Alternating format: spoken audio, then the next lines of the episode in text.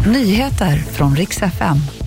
Svenska medborgare har gripits i Irak och så ska det handla om blåsväder som är på gång, framförallt i norra Sverige och då väntar lägre elpriser under morgondagen. Två svenska medborgare gripits i Irak och det här är efter gårdagens dödsskjutning i Bagdad. Enligt uppgifter i Aftonbladet så ska det röra sig om gängtoppen Mustafa Al-Jibouri som också var allierad med Foxtrot-nätverket som sköts till döds. Och det ska alltså vara en svensk person som tidigare förekommit i en annan mordutredning som nu också gripits misstänkt för det här mordet. Blåsväder på gång och det gör att norra Sverige får lägre elpris imorgon. Enligt Nordpol, vindkraften går för fullt i Norrland och imorgon så sjunker därför priset med ungefär 30 öre kilowattimmen för de norra delarna. Södra Sverige har tyvärr inte samma tur med just vinden den här gången, så där kommer priset inte att falla.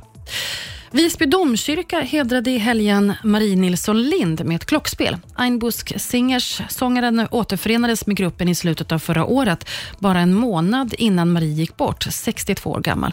På trettondagen så gick därför Alma Hedlund Emilsson upp och spelade två av Einbusk låtar i klockspelet i Visby domkyrka. Det var Älska mig och Godnatt som en hyllning till sångerskan. Och Det var också nyheterna. Jag heter Maria Granström.